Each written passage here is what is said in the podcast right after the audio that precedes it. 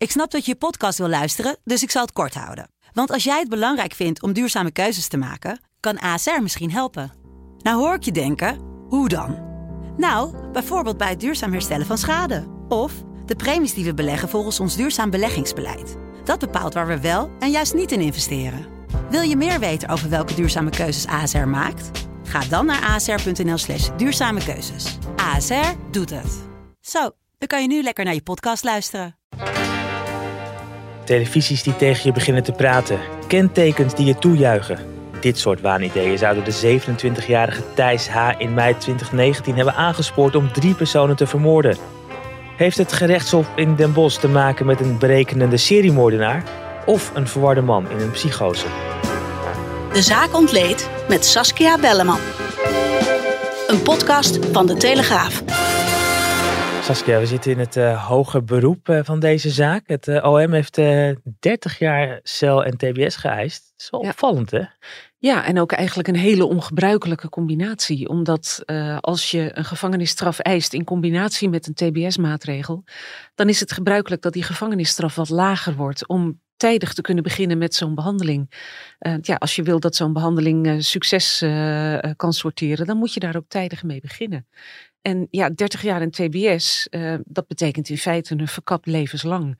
En naar mijn smaak wordt in deze zaak gewoon de TBS misbruikt om Thijs H. zo lang mogelijk van de straat te houden. Ja, want in eerste instantie was hij 18 jaar Ja. eh, gestraft hè, door, de, door de rechter. Ja. En is, het is ook nog eens eh, heel veel langer dan die, dan die 18 jaar. 18 Ja. jaar is ook al lang eigenlijk. Ja, 18 jaar en TBS is ook al heel lang. Er was eh, in eerste instantie 24 jaar en TBS geëist door het Openbaar Ministerie. Nou, de rechtbank heeft toen besloten 18 jaar en TBS op te leggen. Eh, maar het is eerlijk gezegd allemaal wat curieus, omdat meerdere deskundigen hebben gezegd dat Thijs H. volledig ontoerekeningsvatbaar is toen hij drie moorden pleegde in mei 2019. En dat betekent eigenlijk dat je hem alleen maar een TBS-maatregel kunt opleggen en geen gevangenisstraf, omdat deze man ziek is en behandeld moet worden. Ja, en zowel de rechtbank als het Openbaar Ministerie als het Hof, nou ja, dat Hof moeten we nog afwachten natuurlijk, maar in ieder geval de rechtbank en het Openbaar Ministerie hebben het oordeel van deskundigen eh, aan de kant geschoven. Daar komt het op neer en hebben toch gedacht dat ze het beter wisten. Als het Hof dus meegaat in deze strafeis, dan heeft het dan eigenlijk überhaupt wel zin om met die TBS eh, te starten na, na 30 jaar. Nou ja, dat kun je je dus afvragen. Ehm, de, een van zijn advocaten, Job Knoester, die zei: Het is net alsof je een patiënt die een hartaanval heeft gekregen, opdracht geeft om eerst nog even een marathon te lopen en daarna naar het ziekenhuis te strompelen. Nou, die beeldspraak eh, geeft wel aardig weer eh, wat, je, wat je eigenlijk aan het doen bent. Ik liep hier met de hond en er lag een vrouw aan de kant. Daar was de politie al voor gebeld. En de politie die was er, eh, die kwam eraan. Eh, Het was net allemaal gebeurd. Ik ben extra anders gelopen het bos in om, om het te vermijden. En daar vond ik nog een eh, meneer die ook eh, dood was gestoken. Het is een wandelaar die twee dode mensen vond in, op de Brunsumer Heide. Ja. Dat maakt deze zaak ook eh, zo, ja, eigenlijk heel, heel vreemd ten opzichte van veel andere moordzaken. Er Ja. is in eerste instantie een moord gepleegd in Den Haag. En een paar dagen later nog twee moorden op de Brunsumer Heide in Limburg helemaal. Ja, het kostte dus in eerste instantie ook best wel moeite om die, te- om die drie moorden met elkaar in verband te brengen. Want ja, wat heeft Den Haag te maken met Limburg? Ja, en later kwamen ze er dus ook nog achter dat het volstrekte willekeurige slachtoffers zijn geweest. Eh, ja, wat je natuurlijk normaal ziet bij moordzaken is dat er een reden is om iemand eh, om het leven te brengen. Thijs H. had eigenlijk geen reden, behalve dan dat hij van kentekens en van nieuwsberichten en zo zei opdracht te hebben gekregen om mensen te vermoorden. Ja, het systeem. Ja, hij hè? leefde in het systeem, zei hij. En dat systeem, dat, dat draaide eigenlijk alles op de kop. Alles wat slecht was, was goed. En alles wat goed was, was fout. Eh, en in die wereld leefde hij. En ongeveer de helft van de mensheid behoorde niet bij het systeem. En de andere helft wel. En hij was een van de, zoals hij dat noemde, ontwaakten. Die functioneerde binnen dat systeem. Maar dat systeem schreef hem dus voor wat hij moest doen. En als hij dat niet deed, dan zou ofwel hemzelf ofwel zijn familie iets worden aangedaan, vertelde hij. We kunnen ook luisteren hoe hij daar in ieder geval zelf over sprak. Ik weet niet meer hoe dat gegaan is. Ehm, het was ook wel alsof ik opeens zo'n Eureka-moment had waarop alles helder werd. En Ja. Was dat een, een verlossend inzicht of maakt u dat inzicht heel angstig? Uh, gaf me heel angstig. Ja. Deelde u dat dan met anderen? Nee. Ik dacht dat er absoluut niet over gesproken mocht worden. Ik, ik, ik heb hem natuurlijk nooit gezien. Jij bent in de rechtbank geweest. Dus voor mijn gevoel is dat ook een soort jongen van 15, 16 in plaats van een man van 27 die je hoort. Zo ziet hij er ook uit en zo zit hij er ook bij. Hij, hij uh, ja, altijd met zo'n warrig hoofd met haar en een beetje gebogen schouders. En uh, hij praat heel zachtjes. En ja, je merkt dat hij af en toe echt moeite moet doen om zich te herinneren wat er precies door hem heen ging destijds. Inmiddels gebruikt hij antipsychotica. Hm. Inmiddels is dat hele idee van dat systeem waarin hij gevangen zat, is wel uit zijn hoofd verdwenen. Maar hij kan zich nog wel herinneren dat hij daarin zat. En ja, daar vertelt hij dus over. Dus de vraag is natuurlijk uiteindelijk, was het een psychose, is het een psychopaat of niet? Als we dan kijken naar een aantal zaken die gebeurd zijn, dan, dan lijkt hij wel een psychopaat. Want hij heeft van een slachtoffer de pink afgesneden. Ja, eigenlijk ehm, zegt hij dus van ik ben, ik kreeg opdracht om mensen te vermoorden. En het eerste slachtoffer was inderdaad een mevrouw, een 56-jarige mevrouw, die hij in de Scheveningse bosjes overviel. Mhm. Zij liet daar haar hondjes uit. En uh, ja, hij heeft haar op een gruwelijke manier, uh, ik geloof met 30 messteken om het leven gebracht. Messteken die vooral op het bovenlichaam en het hoofd waren gericht. Mhm. Ze had geen schijn van kans, daar kwam het op neer. En daarna heeft hij haar handschoenen uitgetrokken en een pink afgesneden, omdat, zei hij, uh, hij dacht dat hij uh, een bewijs nodig had. Uh, om aan het systeem te kunnen tonen uh, dat hij ook daadwerkelijk iemand had vermoord. En s'avonds zou er een vriendin bij hem komen eten. Um, hij ging ervan uit in zijn verwarde brein dat dat de jury was die moest beoordelen of hij aan de opdracht had voldaan. En dat hij haar de pink moest laten zien. Dat heeft hij uiteindelijk niet gedaan. Hij heeft die pink weggegooid. Uh, maar dat was de reden waarom hij een vinger afsneed. Dat is een gruwelijk detail ook voor de nabestaanden. Ja, afschuwelijk. Ja, die nabestaanden die, eh, die hebben natuurlijk ook gesproken tijdens de rechtszaak. En ja, als je dan hoort wat dat allemaal gedaan heeft met deze mensen, vooral omdat het zo volstrekt willekeurig was. Uh, er was geen vooropgezet plan om één specifiek iemand te vermoorden. Het was gewoon maar net wie die tegenkwam. En kennelijk kon hij, ondanks het feit dat hij in een psychose verkeerde, toch nog keuzes maken. Dus hij heeft op de Brunsemerheide op een gegeven moment uh, een, een man ontmoet ja, die wat groter en sterker was dan hij, die heeft hij laten lopen. Omdat hij misschien toch het gevoel had, daar ga ik het niet van winnen. Heeft ook een jonge meisje of een jonge vrouw van, van ongeveer een jaar of dertig heeft hij laten lopen. En pas toen hij uh, de twee slachtoffers uh, tegenkwam die hij uiteindelijk heeft doodgestoken, die allebei wat ouder waren in de zestig, heeft hij toegeslagen. En hij heeft ze allebei van achter aangevallen. Met name de man, Frans, die heeft zich vreselijk verweerd met een hondenriem en echt geprobeerd van zich af te vechten. Uh, maar dat is dus uiteindelijk niet gelukt als je het zo weer zegt, dan klinkt het ook wel heel berekenend. Iemand die dan groter en sterker lijkt. Dat laat, ik daar, dat laat ik daar maar niet mee het gevecht aangaan, want dan, dan red ik het niet. Ja, maar het is dus uh, niet zo dat je in een psychose als een compleet wappie door het leven gaat. Hmm. Het is niet zo dat, je, dat, je, hè, dat iedereen aan jou kan zien van deze man is helemaal geschift. Je ziet wel eens mensen over straat lopen die totaal in de war zijn. Bij mensen die in een psychose verkeren hoeft dat niet noodzakelijkerwijs zo te zijn. En het is ook niet zo dat je niet kunt nadenken. Alleen je leeft in een volledig verstoorde realiteit. Dus ja, je kunt nog wel degelijk nadenken over de vraag: is dit een geschikt slachtoffer? Maar niet over de vraag: moet ik überhaupt wel een slachtoffer maken? Want ja, hij stond zodanig onder invloed van dat systeem dat hij daar niet aan kon ontkomen. Hij heeft nadat hij in Den Haag die mevrouw had gedood, mhm. nog wel geprobeerd om het daarbij te laten. Hij wilde stoppen. Uh, maar ja, kreeg toen toch weer van uh, het systeem via de televisie opdracht om alsnog twee moorden te plegen. En hij zei zelf: Ik had me erbij neergelegd als het systeem mij zou doden. Nou, dat moest dan maar. Ik uh, verkeerde in een toestand van totaal nihilisme, zei hij. Dat kon hem allemaal niet meer schelen. Maar toen het systeem zei dat ze zijn familie zouden martelen en doden, ja, dat veranderde de zaak.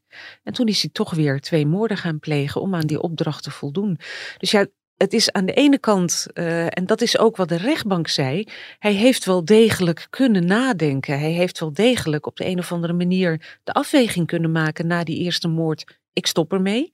En dat was voor de rechtbank ook aanleiding om te zeggen, als hij nog kon nadenken, als hij nog afwegingen kon maken, dan was hij dus niet zodanig onder invloed van een psychose dat hij volledig ontoerekeningsvatbaar moest worden geacht. Maar ja, daar denken veel deskundigen dus anders over. Ja.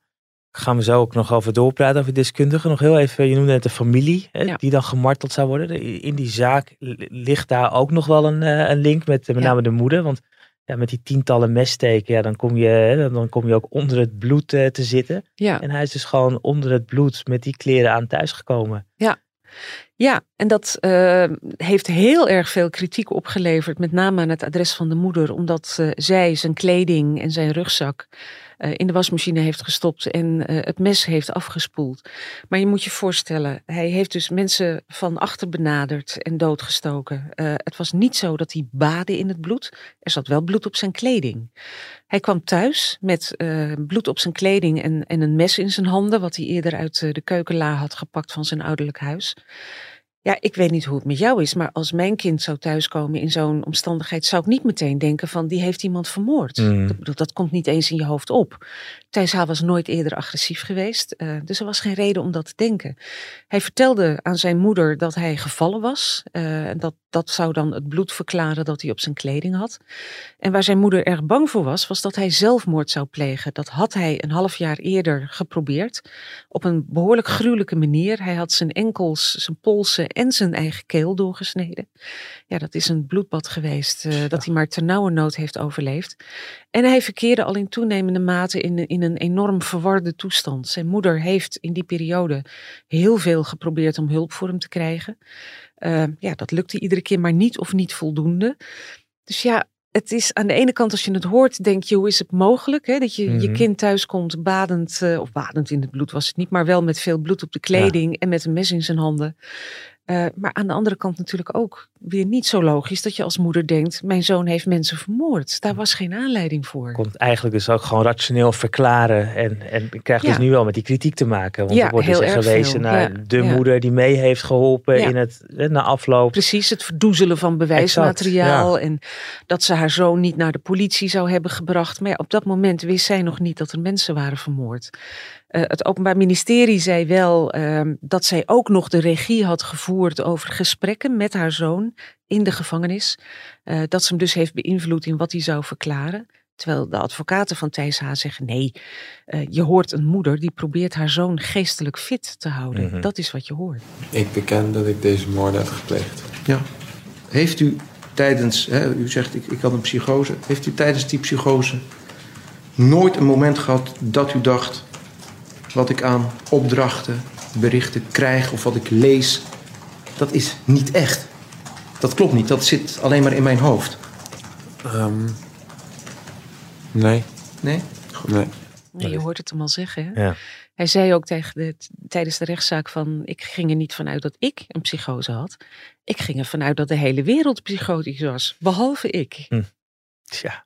Ja, als je, ja, als je er op die manier eh, in zit en, en, en, en als dat zo is, ja, dan Ja. Is dat ook weer heel goed eh, te verklaren. Maar dat maakt het dus ook ingewikkeld. Want je zei het Ja. net al, deskundigen die spreken elkaar ook eh, tegen. Is hij nou volledig toerekeningsvatbaar of deels Ja. toerekeningsvatbaar? Kijk, de, de deskundigen van het Pieter Baan Centrum die hem hebben onderzocht... die zeggen van hij was volledig ontoerekeningsvatbaar. Eh, deze man heeft, eh leidt aan schizofrenie. En uit die situatie kwam die psychose voort. En die psychose die werd nog eens een keer versterkt... doordat hij eh, ja, via een andere GGZ-instelling waar hij in behandeling was... dexamfetamine kreeg voorgeschreven. Nou, tegelijkertijd werden doses tegen zeg maar, de antipsychotica... die werden afgebouwd. Nou schijnt het zo te zijn, ik ben geen deskundige, maar dat heb ik me dan laten vertellen door deze deskundige, dat je dexamfetamine niet moet voorschrijven aan iemand die gevoelig is voor psychoses. Eh, en hij kreeg het dus wel. Met als gevolg dat Van hij... zijn arts. Precies, ja. En ja, er is in eerste aanleg bij de rechtbank in Maastricht heel felle kritiek geleverd door het Pieter Baan Centrum op GGZ-instelling Mondriaan. Die alle rode vlaggen die duiden op een psychose bij Thijs H. die in ontwikkeling was, niet zouden hebben opgemerkt. En die Mhm. hem dus het verkeerde middel hebben gegeven, waardoor die psychose juist versterkt werd. Ehm, aan de andere kant eh, heeft eh, Thijs H. zelf ook in die periode cannabis gebruikt. Eh, zijn verdediging zegt dat was niet zoveel dat dat ook nog invloed Mhm. kan hebben gehad op die, eh, die psychoses. Maar het helpt doorgaans ook niet als je dat, als je dat gebruikt naast medicatie. Nou, het is eigenlijk heel wrang hè, dat hij zegt dat het systeem het eh, zo het, het- hem heeft beïnvloed. En dat in zekere zin, zo'n Pieter Baan Centrum concludeert dat daadwerkelijk het, eh, het GGZ-systeem Ja. uh, debet is geweest aan wat er gebeurd is. Ja, ja, daar komt het wel op neer. Het leidde nog tot een enorme rel, want ja, de GGZ-instelling Mondriaan was niet blij met die kritiek van het Pieterbaan. Die eiste excuses, die wilde juridische procedures aanspannen. Uh, nou, dat was eigenlijk allemaal wat pijnlijk en ook in de marge, want ja, het ging natuurlijk gewoon om Thijs H. en om mm -hmm. de moorden die hij heeft gepleegd. Uh, de kritiek op de GGZ-instelling werd in hoger beroep ook niet herhaald. Maar het Pieterbaancentrum en ook nog twee andere deskundigen bleven bij hun oordeel ja. dat hij volledig ontoerekeningsvatbaar was. Terwijl twee andere deskundigen, hij heeft er nogal wat gehad, uh, zeiden van nee, hij was hooguit verminderd toerekeningsvatbaar. Ja, en als rechter schakel je natuurlijk deskundigen in, omdat je zelf niet deskundig genoeg bent op medisch ja. gebied om daar een oordeel over te kunnen vellen. Ja, dat, uh, plaats wel vraagtekens natuurlijk bij het oordeel van het Openbaar Ministerie en ook de rechtbank in Maastricht, die eerder gewoon zeiden van wij weten het beter. Nu hebben artsen natuurlijk een beroepsgeheim. Hè? Ja. Ik kan me ook voorstellen, deze zaak dan, als ook zoveel kritiek is op zo'n GGZ-instelling, ja, dan wil je eigenlijk ook die arts horen. Wat is de afweging geweest? Ja. Hoe is dat gegaan? Ja, ja, en eigenlijk is het natuurlijk ja, heel wrang om te beseffen dat misschien twee van de drie moorden voorkomen hadden kunnen worden. Um, als men eerder had opgemerkt wat er aan de hand was met hem en aan de bel had getrokken. Aan de andere kant, ja, weet je, dat medisch beroepsgeheim is er niet voor niks. En als je kunt voor ook uh, vreselijke dingen kunt voorkomen uh, doordat mensen jou in vertrouwen nemen en, en hulp accepteren. Dan is het natuurlijk wel verdomd belangrijk dat die mensen ook weten dat ze dat veilig kunnen doen zonder dat hun behandelaar meteen naar de politie stapt. Dingen gebeurden gewoon allemaal en tegelijkertijd ontstonden soms ideeën gewoon in mijn hoofd. Kunt u zeg maar zonder dat ik echt kan verklaren waarin, waar ze vandaan komen. Dan ontstonden waan in mijn hoofd en ik geloof daarin. We hadden het net al even over dat, dat het een, klinkt echt als een jonge jongen. Het is Ja. een hè, jonge man. Um, je benoemt het al net, het warrig haar. Uh, Ja. Hij studeerde uh, in Delft. Hij was zelfs heel intelligent, ja. Hij, uh, hij volgde nou niet bepaald uh, de, de, de lichtste studies, zal ik maar zeggen. Nee, hij was echt, je merkte het ook aan zijn manier van formuleren. Je hoort het hier ook. Ja. Hij formuleert heel zorgvuldig. Hij kan goed onder woorden brengen wat hij voelde destijds, wat hij ook dacht. Uh, ja, en soms was het voor ons natuurlijk ook volslagen wartaal wat hij vertelde. Want het idee hè, dat, dat, je, dat er een soort systeem is dat uh, jouw opdracht geeft via televisie uh, en via kentekens om moorden te plegen, dat is natuurlijk te gek voor Ja. woorden. Maar voor hem was het werkelijkheid. Als je hem daar zo ziet zitten, want jij zit dan in die rechtbank, zit daar een, ja, drie moorden, dus we kunnen gewoon seriemoordenaar zeggen. Zit daar Ja. een type seriemoordenaar? Nee, helemaal niet. Nee, ja, voor zover een, een seriemoordenaar altijd een bepaald type is natuurlijk. Ja, dat nou, maar jij zit in die nooit. rechtbank. Ik denk dat net, ik, dus net Ja. met mij waarschijnlijk veel luisteraars, die hebben toch alleen maar de beelden van eh, de, de bekende seriemoordenaars en, eh, en, en dan allerlei, beïnvloed natuurlijk door allerlei eh, tv-series Ja, en. Hollywoodfilms. Maar als Nou, je en dit dat zo beeld hoort, voldoet hij totaal Nee. niet. Nee, daar zit gewoon een, een, een jonge man die, die ernstig in de war is geweest. Maar ja, de nabestaanden zien dat natuurlijk toch heel anders. Die hebben hem ook in de zaal moordenaar, seriemoordenaar genoemd. En ook ja, dingen gezegd als van als jij 's morgens in de, in de spiegel kijkt, dan zie je een seriemoordenaar. Mhm. Ja, en vanuit hun optiek is dat natuurlijk volkomen logisch. Het idee alleen al dat, dat jou, jouw vrouw of je, je vader eh, op de hei gaat wandelen of in het bos met, met een hondje en nooit meer terugkomt. Omdat daar iemand zegt dat hij via een kenteken een bericht heeft gehad dat hij jouw geliefde moet doden. is natuurlijk te gek voor woorden. Ja. En dat, eh, ja, vanuit het standpunt van nabestaanden is het volkomen begrijpelijk. ja, die hebben recent eh, vele zaken gehad waarbij dan wordt gezegd, ja, de, iemand heeft geen spijt bekend of geen excuus aangeboden. En dat weegt dan voor rechtbank vaak zwaar. Dat is Ja. in het geval van Thijs H. anders. Laten we misschien ook even daarnaar luisteren. Dit had nooit moeten gebeuren en ik zou niets liever willen dan mijn daden ongedaan maken. Het verdriet is groot bij mij en dat is geen slap gewul. Ik meen het. Ik ben geen vreed mens. Als ik niet echt dacht dat ik gedwongen werd, had ik dit nooit gedaan. Ik dacht echt dat ik geen keuze had. Ja. Ja, en dat klinkt ook echt wel gemeend. Uh, Mhm. Hij las het hiervoor. Daar, Ja, het daarom klinkt het net even iets anders. Ja. precies. Dit was zijn laatste woord bij de rechtbank. Wat hij bij het Hof in hoger beroep ook nog heeft gezegd, is dat hij altijd bereid is tot een gesprek met de nabestaande. Zelfs als die nabestaanden dat alleen maar willen gebruiken om hem de huid vol te schelden, dan is hij bereid om dat over zich heen te laten gaan. Maar hij kan het natuurlijk nooit meer ongedaan maken. Nee. Het is gebeurd. Mensen zijn dood en die komen nooit meer terug. Maar toch is dat denk ik wel bijzonder. Jij zit bij veel rechtszaken en dat hoor je, dat is niet een geluid wat we vaak, vaker horen volgens mij op die manier. Nee, en het is toch ehm, ja, een jongen die, die terug lijkt te zijn gekomen vanuit een soort schemerwereld waarin hij heeft geleefd, waarin hij wanen zag, uh, ja, die er gewoon niet echt waren, maar die voor hem wel heel echt waren. En als je, dat, uh, als je hem nu hoort praten, uh, dan merk je wel dat tot hem is doorgedrongen wat hij heeft aangericht. Ja. Dat betekent niet dat hij al helemaal uit die schemertoestand weg is gekomen, want dat vertelden psychiaters en psychologen ook wel. Als je zo lang in zo'n waanwereld verkeert, dan is dat niet 1, 2, 3 weg. Dat blijft ook nog wel even hangen. Maar in, hij komt stukje bij beetje weer terug. Uh, alleen ja, er werd ook gezegd, zonder behandeling en zonder medicatie kan deze man zomaar weer knettergevaarlijk worden, zoals een psychiater dat letterlijk noemde. Maar als ik dit uh, zo hoor, en kijk, uiteindelijk hoeven wij, we moeten, hoeven wij gelukkig ook het oordeel niet te vellen. Daar hebben we nee. het uh, Hof in, in Den Bosch in dit geval voor. Maar als je dit zo hoort, dat hij ook inderdaad ander gedrag vertoont, op een andere manier daar staat, misschien weer iets, iets weer dichter bij zichzelf is gekomen. Ja. ja, die jongen moet, of die man, die moet zo snel mogelijk worden behandeld. Ja, en dat is dus het rare aan de eis van het Openbaar Ministerie. Want als je deze jongen veroordeelt tot 30 jaar cel en daarna TBS, dat betekent dat je, uh, dat zei het Openbaar Ministerie ook, die TBS-behandeling mag dan pas beginnen na 28 jaar. Ja, je kunt je dus afvragen wat dat voor zin heeft. Uh, het OM zei, eigenlijk vinden wij dat voor deze feiten levenslang moet worden opgelegd. Nou, voor drie moorden is dat inderdaad een eis die voor de hand ligt. Maar zegt het Openbaar Ministerie, omdat levenslang tegenwoordig niet meer per definitie levenslang is, loop je dan het risico dat hij op enig moment op vrije voeten komt zonder dat hij behandeld is. En dat kan gevaar opleveren voor de samenleving. Dus dat willen ze niet. Vandaar dat ze die combinatie kiezen van de langste tijdelijke gevangenisstraf in combinatie met TBS. Maar als je pas 28 jaar daarna begint met een behandeling, ja, je kunt je afvragen hoe succesvol die nog kan zijn. Ja, want het zou haast een pleidooi kunnen zijn aan de hand van deze zaak.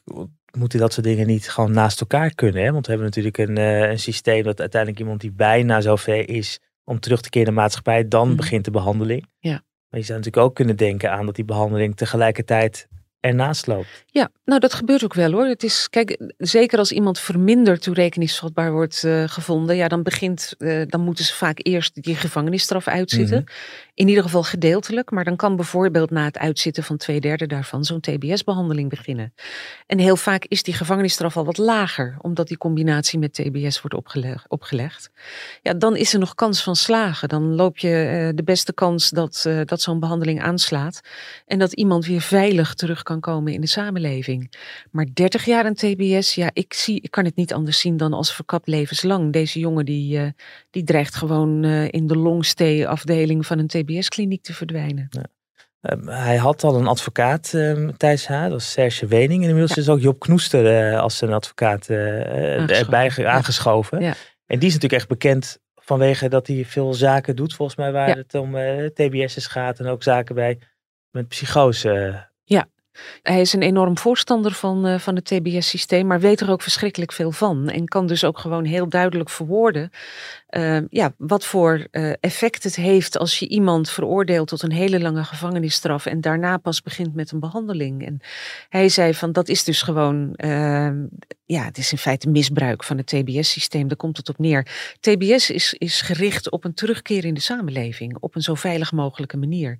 En een terugkeer in de samenleving wordt voor iemand als Thijs als het Hof die eisen overneemt van het OM, illusoor. Die komt gewoon niet meer terug. Nee. Wat verwacht jij? Want de uitspraak moet nog uh, plaatsvinden. En ja. uh, ik bedoel, geen glazen bol. Maar als je, je hebt de zaak zo gevolgd. Ja, ik, ik vind het heel moeilijk altijd om te voorspellen ja. hoe een rechter uh, gaat oordelen. Kijk, in Limburg hebben ze op een gegeven moment besloten om het, de rapporten van de deskundigen terzijde te schuiven en te zeggen: wij gaan niet uit van een volledige ontoerekeningsvatbaarheid, maar van een verminderde. Uh, maar ze hebben desondanks wel uh, de eis wat gematigd. Ze hebben toen 18 jaar opgelegd en TBS. In die periode gold nog dat je na twee derde uitzit, na het uitzitten van twee derde van je straf op vrije voeten zou kunnen komen of aan een TBS-behandeling kan beginnen. En dan is de kans op een succesvolle behandeling ook nog aanwezig. Tegenwoordig is die regeling voor de voorwaardelijke invrijheidstelling aangepast. Als je nu een gevangenisstraf opgelegd krijgt die van langere duur is, dan kom je pas maximaal twee jaar voor het verstrijken daarvan voorwaardelijk vrij. Of begin dan pas aan een, uh, een TBS-behandeling. Ja, en nogmaals, wat Job Knoester al zei, het is alsof je een hartpatiënt vraagt om eerst nog een marathon te lopen als hij net een infarct uh, heeft, ge heeft gehad, uh, om daarna zelfstandig te strompelen naar het ziekenhuis. Dat werkt niet meer. Heb je het idee dat deze zaak, dat deze uitspraak ook nog wel uh, verdere gevolgen kan hebben voor toekomstige zaken? Of dat, of dat hier misschien weer een debat of discussie ontstaat? Um, in, de, in de juridische wereld, in misschien ja. wel Den Haag. Ja, ik merk eerlijk gezegd wel dat er een tendens bestaat om strenger te straffen. Ook die regeling voor de voorwaardelijke invrijheidstelling, die, uh, die veel strenger is geworden, daar merk je dat aan. Nou is dat een politieke beslissing geweest om dat zo te doen. Dus hoe dat in de rechtszaal gaat uitpakken, dat moeten we nog afwachten. Ja, en die voorwaardelijke invrijheidstelling, dat was... Is dat je, dat je nu dus twee maximaal derde... twee jaar voor het verstrijken Exact. van je straf vrijkomt, in plaats van na twee derde. Ja. Uh, het kan ook zijn in de praktijk dat rechters daar rekening mee gaan houden en dus lagere straffen gaan opleggen. Uh, ja, en wat ze hier gaan doen in hoger beroep is natuurlijk nog even koffiedik kijken. Ik weet het niet. Ik vind wel, als je deskundigen inschakelt, uh, omdat je zelf de deskundigheid op medisch gebied niet hebt, dan moet je die deskundigen, dat oordeel van die deskundigen ook serieus nemen. Ja. En ik vind het gemak waarmee de rechtbank in Limburg die rapporten terzijde schoof, uh, daar schrok ik wel van. Dat vond ik bijzonder, omdat rechters eigenlijk altijd zeggen, ja, wij hebben zwarte jassen en zij hebben witte jassen. De witte jassen weten meer over uh, stoornissen en over de, de gezondheidstoestand van de verdachte. Wij gaan over het juridische deel. Ja, dan moet je dat niet zomaar terzijde schuiven, lijkt mij. Ja, en dat was ook, kan ik me voorstellen, een reden voor het hoger beroep, om in beroep ja, te gaan. Dat klopt, ja. ja dat was voor uh, Thijs H. Uh, een reden om in hoger beroep te gaan. Ja, ja dat kan dus ertoe leiden dat hij veel strenger wordt gestraft. Appelleren is riskeren, zeggen ze wel eens. Hm. Uh, dus ja, ga je in, uh, in appel, in hoger beroep, dan kan het ook zomaar zijn dat je strenger wordt gestraft. Ja, in de hoop dat er dus een lagere straf uitkomt, ja. maar het kan natuurlijk inderdaad ook de andere kant op gaan. Ja, precies. Ja, het Openbaar Ministerie heeft ook hier weer gekozen voor de lijn van, we hebben hier te maken met een manipulatieve uh, man, die donders goed wist wat hij, de wat hij deed en die misschien wel een klein beetje in de war is geweest, maar die echt wel in staat was om goed van slecht te onderscheiden. Dus ja, die gaan voor die hele hoge straf.